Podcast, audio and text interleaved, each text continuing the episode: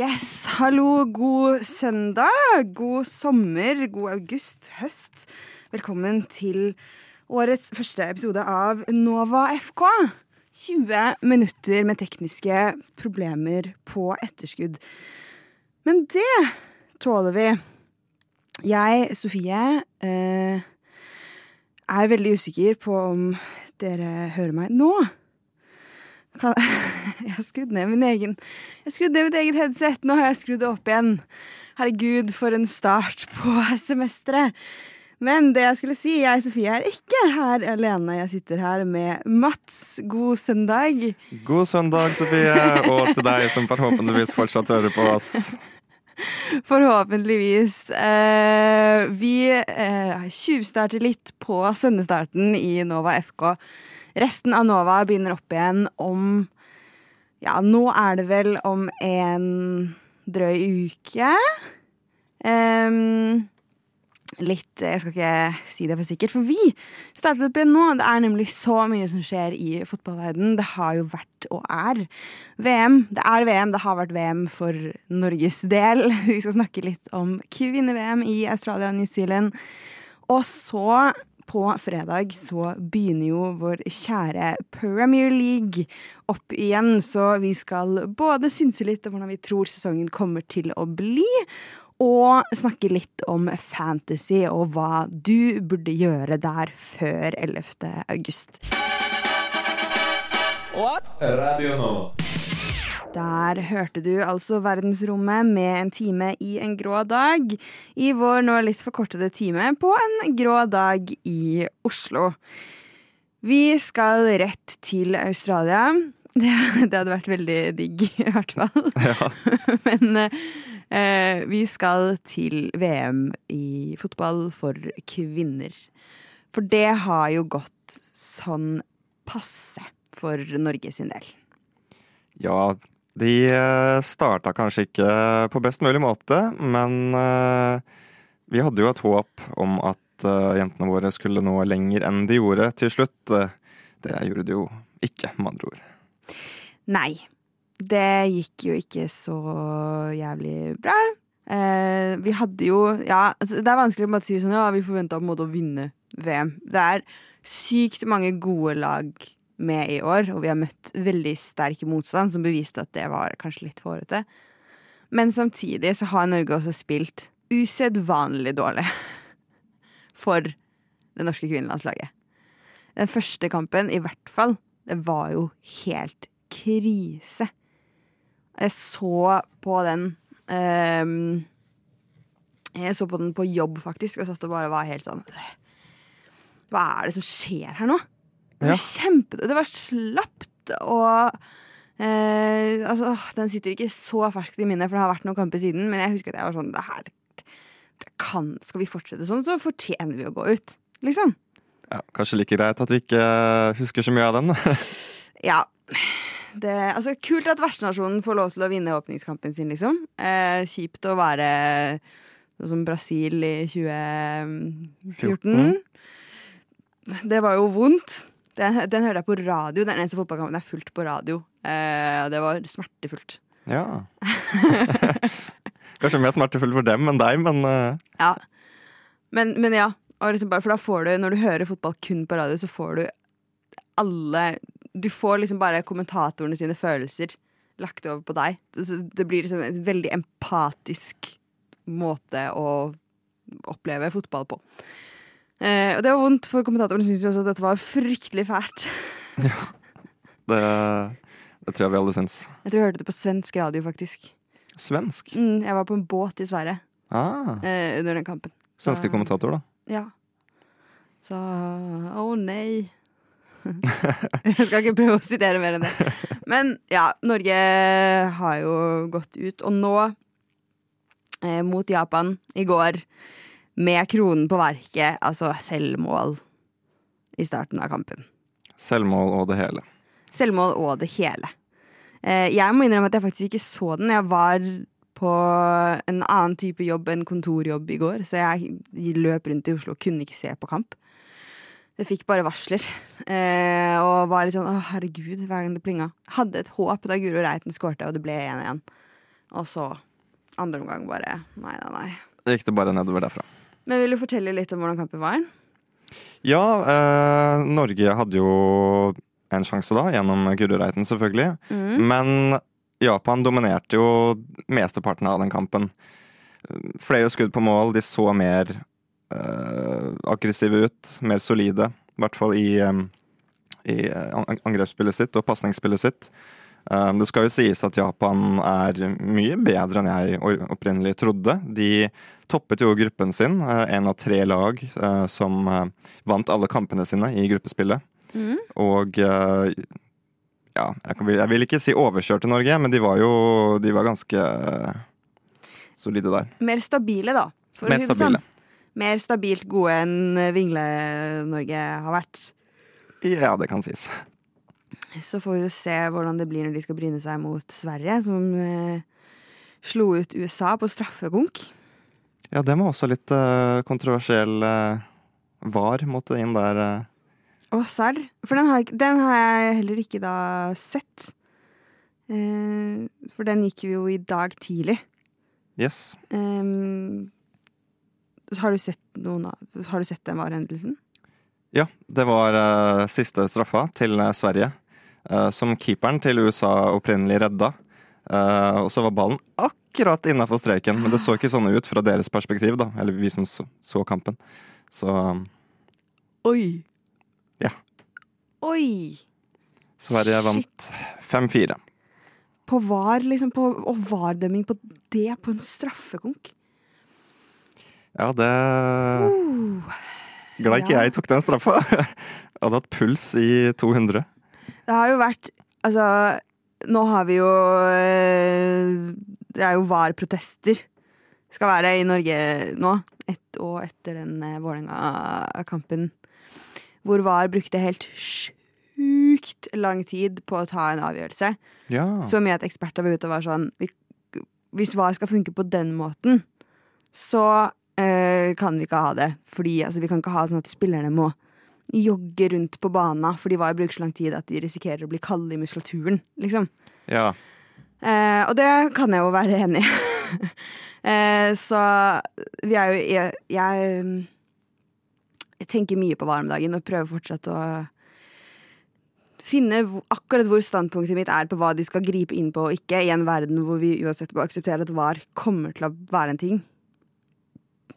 På hvilke, for vi blir ikke kvitt VAR. Nei, altså i, i utgangspunktet så var jeg positiv til VAR, for jeg tenkte at det kunne kanskje hjelpe mange situasjoner. øh, gjøre det mer rettferdig for spillerne ute på banen. Men når vi kommer til sånne situasjoner nå, da, hvor det tar så lang tid å komme seg gjennom det, så er det Det blir sakte-TV. Du bare sitter der, som du sier, muskulaturen blir kald, og det er liksom Hva, hva venter vi på? Ja, samtidig jeg, For jeg syns jo at VAR kan være et fint eh, virkemiddel når det brukes eh, til å ta situasjoner hvor dommeren gjør en feil. Altså øh, Mennesker øh, gjør feil. Og noen ganger så er det en helt åpenbar situasjon hvor dommeren ser feil, eller ikke ser, ikke får det med seg, eller altså hvor man bare Hvor det er helt tullete dømming. Eh, og det klages det jo på. Det ble det jo klaget mye på før VAR. ikke sant? At når dommerne gjorde kjempefeil, så var det ramaskrik, og, og at VAR kan hjelpe til å ta det. Men ikke nødvendigvis sånn som Jeg føler 90% av det vi ser av VAR, er bare at de jobber med sånne hårfine offsider. Ja, Som dommeren uansett ikke har grunnlag for å se. Og da tenker jeg sånn, når det er så fint, da skal man stole på dommeren. De som var ute og prata, de fra FK, som var ute og prata med en VAR-dommer stemmer. før utrullingen i Eliteserien. Eh, Fredrik var jo og snakka med en som hadde vært med i det prosjektet, og som, skulle, som var dommer og skulle jobbe med dette. Og han syns jeg jo hørtes veldig Altså hadde, v- var veldig enig med meg, da. Eh, Syns jeg selvfølgelig hørtes kjempesmart ut. Han var veldig enig med meg Ja. eh, på det at sånn VAR skal være et hjelpemiddel for å ta den type situasjoner, men ikke skal ikke bruke det som flisespikkeri og sånn. Men når det er liksom en straffe i et VM på den måten, da er det liksom da Kanskje det er faktisk er greit å være så hårfine? Ja, i en så avgjørende situasjon så vil jeg tro det. For hvis ikke hadde det blitt ramaskrik. Eh, men uh... Ja. Shit, det kjente jeg at uh, satte seg i etikken uh, for meg. ja, altså det, det, det er jo noe som veldig fort kan bli misbrukt. Ja. Men herregud, uh, vi skal egentlig ikke snakke om VAR, vi skal snakke om uh, VM. VM. Norge er jo ute, men det er jo fortsatt mange lag som er med fortsatt. Det er to sluttspillkamper Nei, fire sluttspillkamper til eh, i morgen, mandag og eh, tirsdag. Stemmer. Eh, der er det jo Australia møter Danmark. Frankrike møter Marokko. England møter Nigeria. Og Colombia møter Jamaica. Jeg håper jo at det går bra med England. Og jeg syns England har sett veldig solide ut. Eh, mye mer konsekvente enn eh, enn Norge. Så det har vært mye morsommere å se på, på England. Eh, og har jo også vunnet det de skal vinne. Knuste jo Kina. Åh, jeg er litt trøtt i dag. Ja, det var mye var-snakk der som eh, Jeg er så sykt kjedelig med var. ja. ja, nei, det blir spennende å følge med på, på England, eh, hvor langt eh, de kommer i konkurransen. Og jeg vet ikke om Jeg har ikke sett så mye til England, men vil du si at de kan være favoritter til å vinne hele? Mm, jeg håper, altså jeg hadde jo sykt lyst på England og USA i finalen. Og det var jo lagt opp sånn i sluttspillet at det kunne det jo blitt. Nå blir det jo ikke det, fordi Sverige har slått ut USA. Men eh, jeg tror absolutt, uten at jeg nå har Jeg har ikke sett alle lagene spille. Så eh, jeg syns det er vanskelig å si at England er favoritter over noen lag jeg ikke faktisk har sett spille sjøl. Um, men jeg syns de har gjort det veldig, veldig bra. Hadde de skulle møte Norge, for eksempel, så hadde det blitt overkjøring. Det Norge-laget som vi har sett nå. Ja, ja, absolutt. Det er uten tvil. Så um, Men uh, nei, det blir veldig spennende. Eh, Japan også har jo da absolutt noe å stille opp med. Og så blir det spennende å se Spania og Nederland eh, 11. august. Og selvfølgelig veldig spennende å se hvem som faktisk ender opp i finalen 20. august. Ja, det er jo en liten eh, stund til, men uh, alt, uh, alt kan skje. 20. august tror jeg det er eh, lurt å selvfølgelig benke seg foran TV-en, men også høre på eh, Nova FK. Da har vi sending bare rett etter denne finalen er spilt. Eller mens den driver og avsluttes, hvis de skal bruke masse tid på VAR. Ja.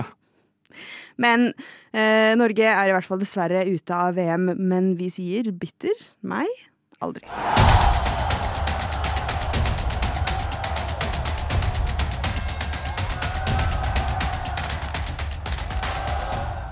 Det er ikke bare VM som foregår akkurat nå.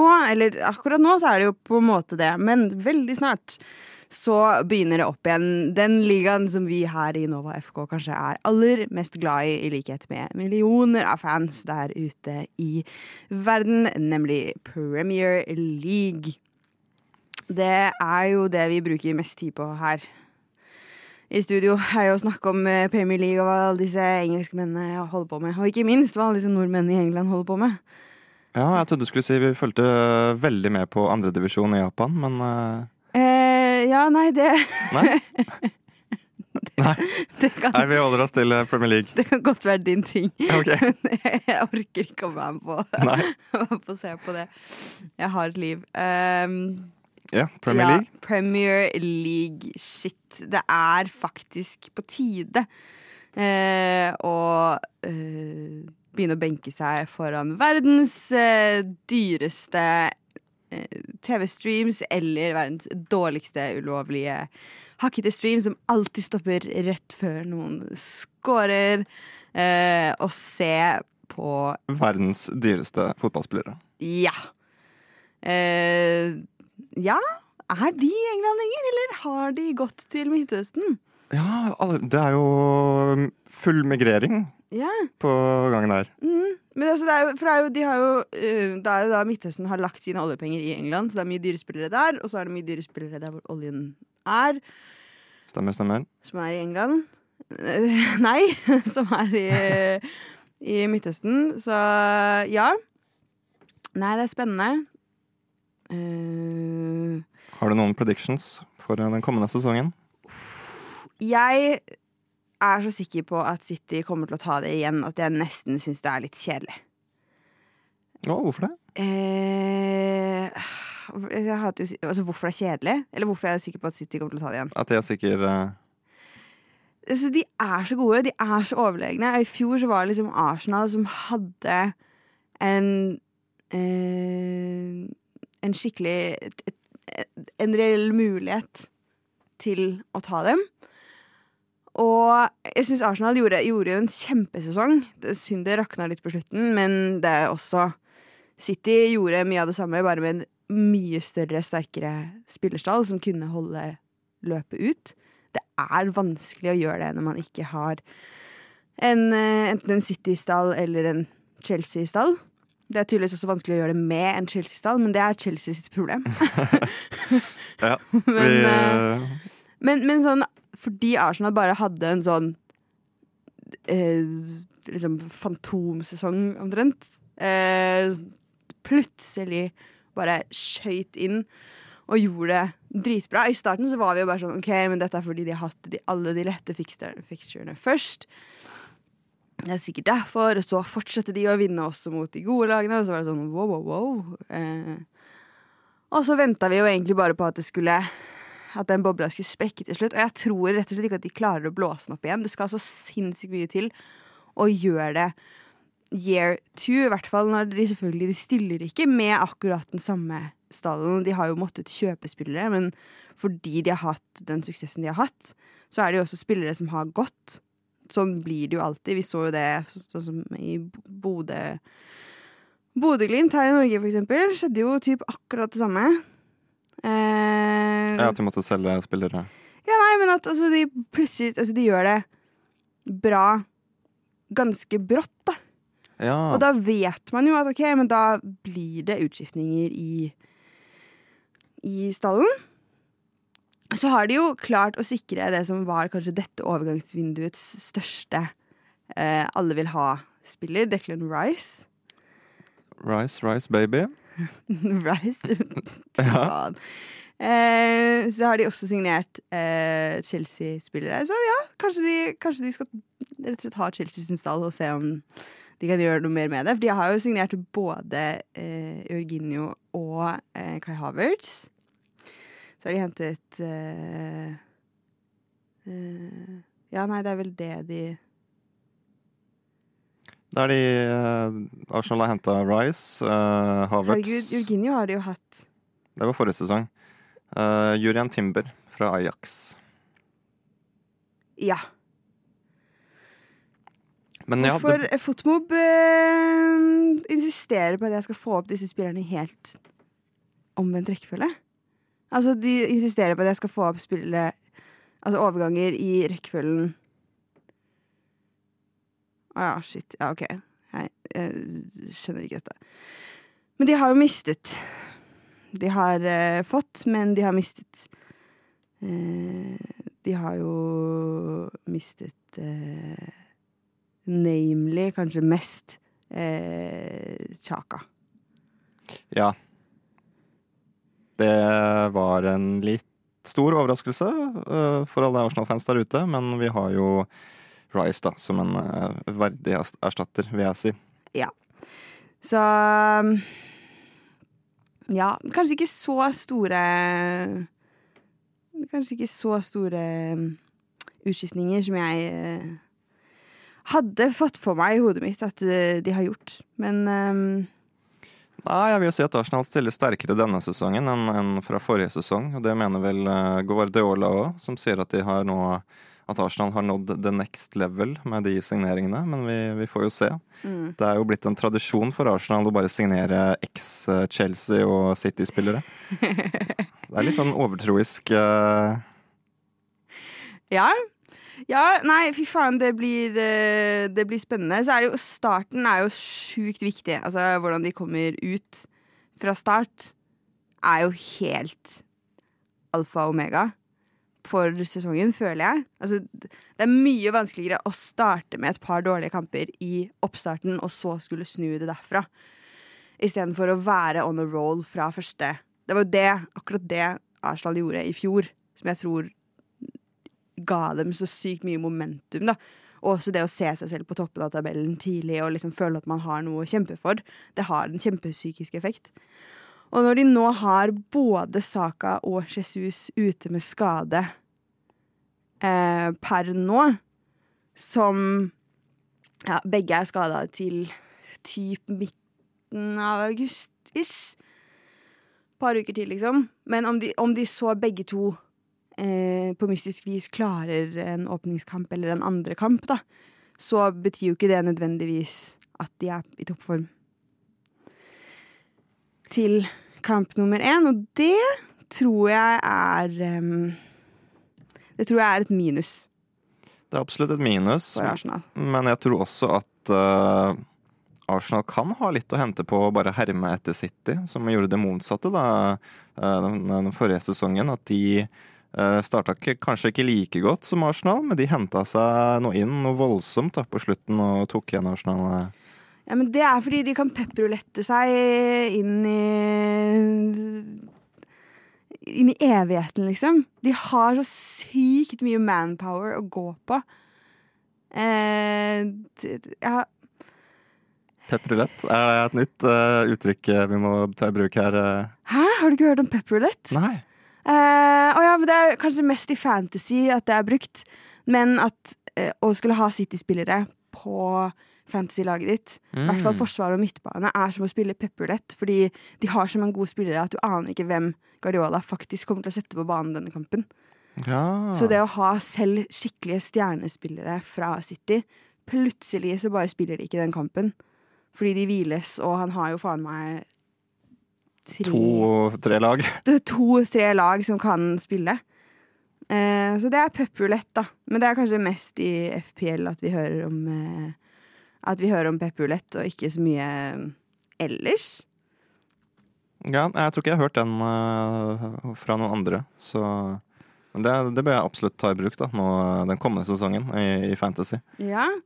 Vi skal jo snakke litt om fantasy snart, men først hva er dine Jeg spår jo da eh, Jeg skal ikke spå hele tabellen, men eh, jeg spår City på topp i år. Hvem har du Du er jo Arsenal-supporter. Har du troa på at det skal gå i år?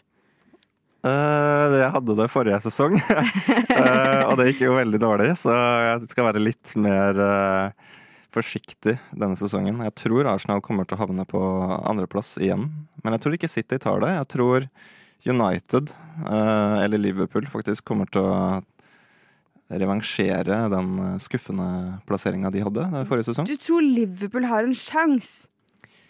Ja, eller, eller, eller United. Har De, det klikka for deg? United kan ha en sjanse.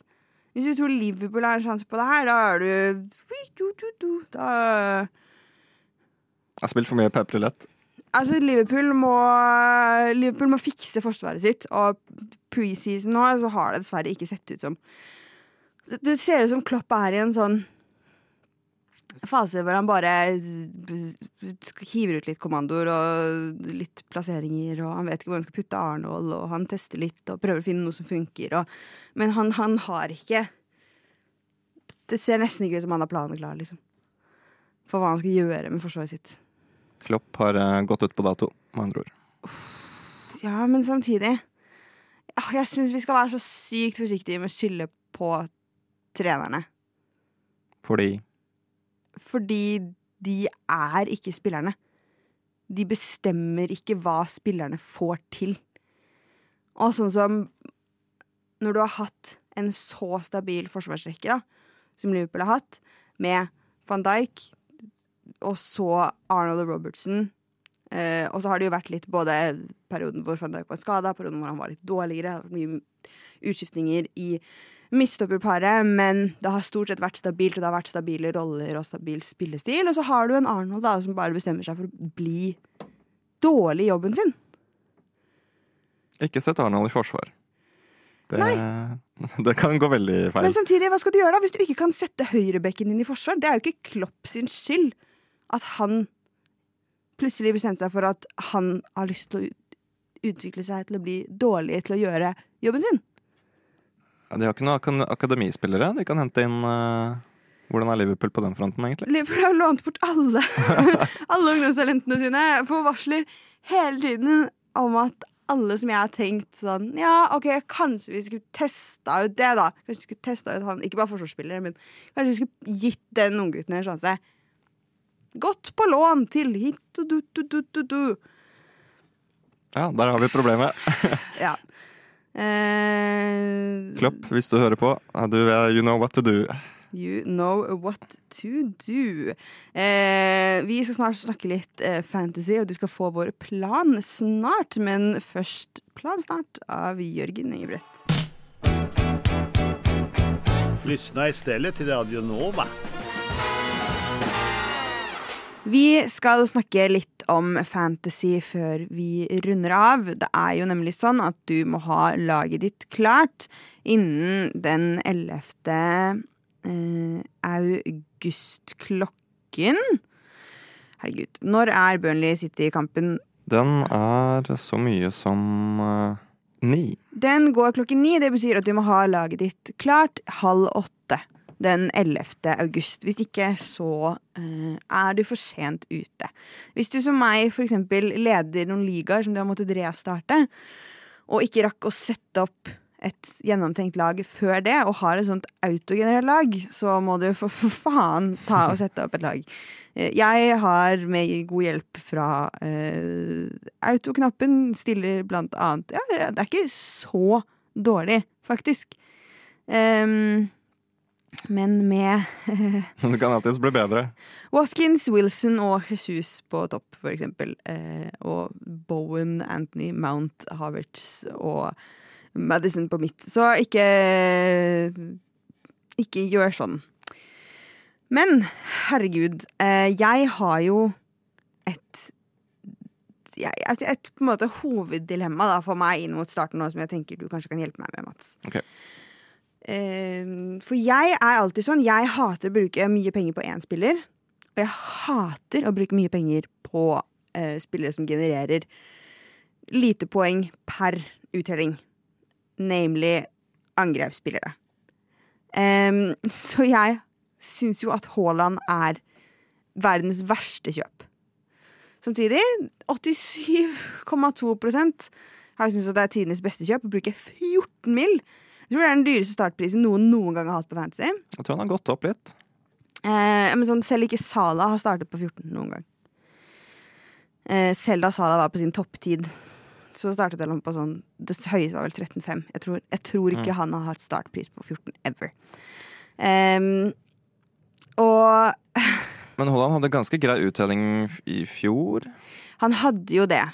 Um, jeg bare uh, Det står jo prosentvis selected og pris fra i år, tror jeg, på Fantasy, men det står poeng fra fjor. Ja, Han fikk nesten 300 poeng. Han fikk 272 poeng. Det er jo kjempebra. Mer enn Sada fikk, for eksempel, som i fjor kosta mer. Jeg var jo veldig avholden i fjor på å starte med Haaland, for jeg syntes han var litt dyr, og måtte jo krype til korset og hente han inn etter hvert. Men en taktikk som mange fantasy managere bruker, da, er at de alltid De starter sesongen med den dyreste forsvarsspilleren, den dyreste midtbanespilleren og den dyreste angrepsspilleren. Fordi det er ganske sikkert at de får noe uttelling. Det er relativt sikkert, det er sikkert at det er relativt sikkert at de spiller. Det er relativt sikkert at de gjør noe. De er gjerne sentrale spillere i sitt lag, så Og så, hvis man um, ikke får nok ut av dem, så løser det opp veldig mye midler for å hente inn mye annet bra. Kontra hvis du har satt opp et økonomisk tight lag hvor som i utgangspunktet ser bra ut på papiret. Pengene er plassert veldig ut. Du har mange spillere som koster seks, syv, åtte, ni og så finner du ut at ok, du må ha Haaland. Da er det en kjempeomstilling. Du kan ikke bare ta en angrepsspiller ut og få inn Haaland fordi du må bytte masse for å få råd. Så det er en taktikk. Jeg har aldri brukt den. Um, jeg liker ikke å binde opp pengene mine på den måten, og jeg liker heller å treffe på differentials fra start. Men jeg vet ikke. Høres det ut som en god plan eller høres det ut som en dårlig plan, og bare gjør det i år. Og gå for da Haaland. Eh, det blir vel Sala og Jeg tror det faktisk kanskje egentlig er Trent, men eh, skal vi se her. Det, det gjør jeg da ikke. Satser du ikke på Trent? Nei. Ja. Eh, Haaland er den dyreste spissen, Salah er den dyreste midtbanespilleren. Og Arnold er den dyreste forsvarsspilleren, så da må man jo ned på nest dyreste der, da. Eh, som er et stykke ned, ja. Mm. Ja, det var veldig stor forskjell òg. Ja, det er mange som koster det samme her, da. Det er mange som koster eh, syv og Ja, for da er det Da er det Robertson. Det er mer, jeg er mer komfortabel med å ha Robertson og spare en mill. enn på å ha Trent fra, fra første. Men, men, men det å bare sett, starte med Haaland og Sala, da, og heller bruke de pengene på å oppgradere resten av stallen hvis de ikke gir uttelling. Jeg ser på en måte fordeler på begge veier, fordi det er veldig vanskelig å, forutse om disse toppspillerne som Haaland og Salah kommer til å prestere like bra denne sesongen. I hvert fall så tidlig. Så jeg ville kanskje begynt med noen litt billigere spillere, og heller sette han. Eller Litt sånn som du gjorde i fjor.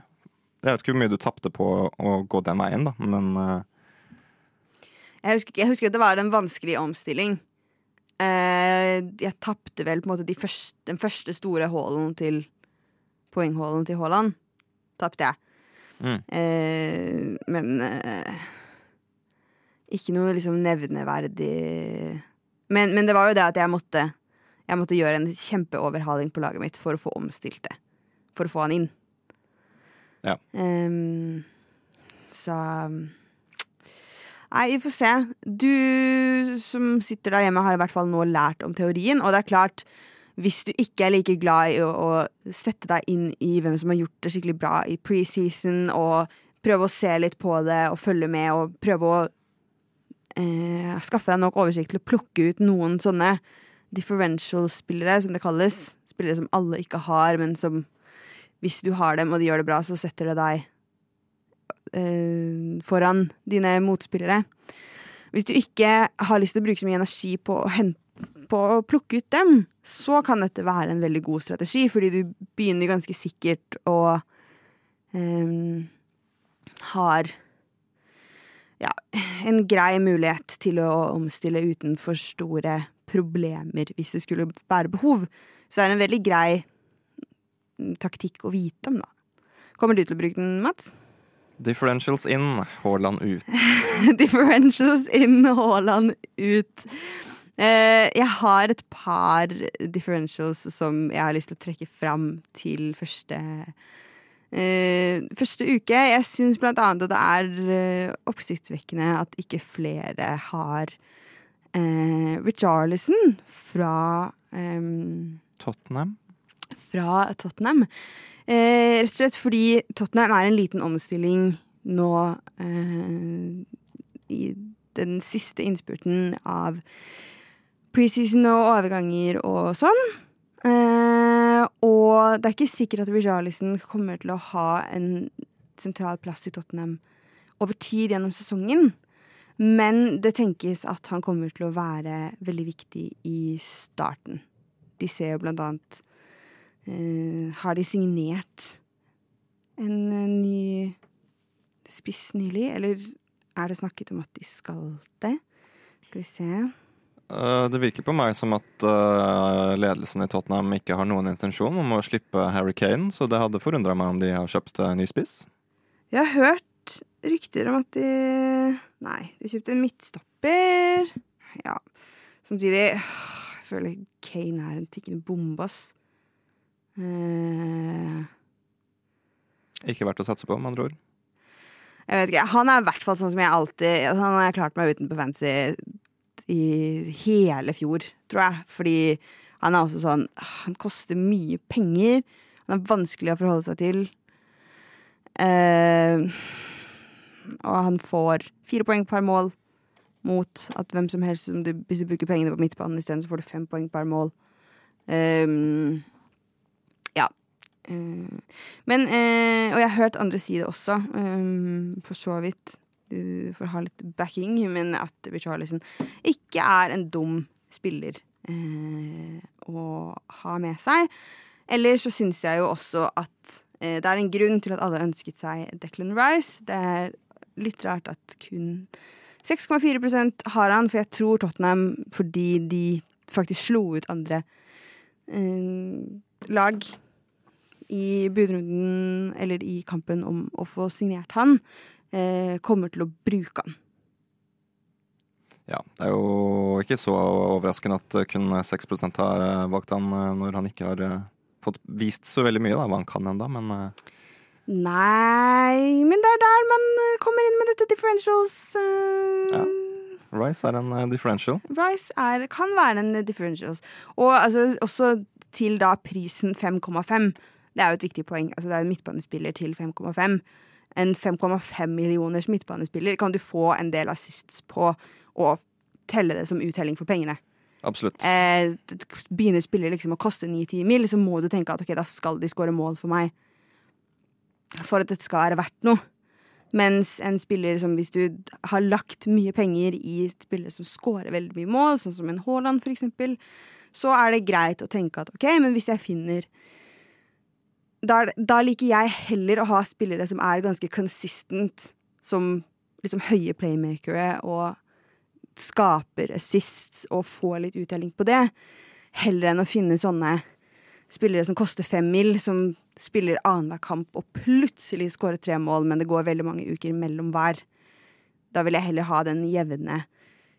Litt poeng her, litt poeng Altså seks poeng den kampen, syv poeng den kampen, fem poeng den kampen. Den er det jevne, lille uttellingen. Da føler jeg det er for mye igjen for fem millioner, seks millioner på en spiller.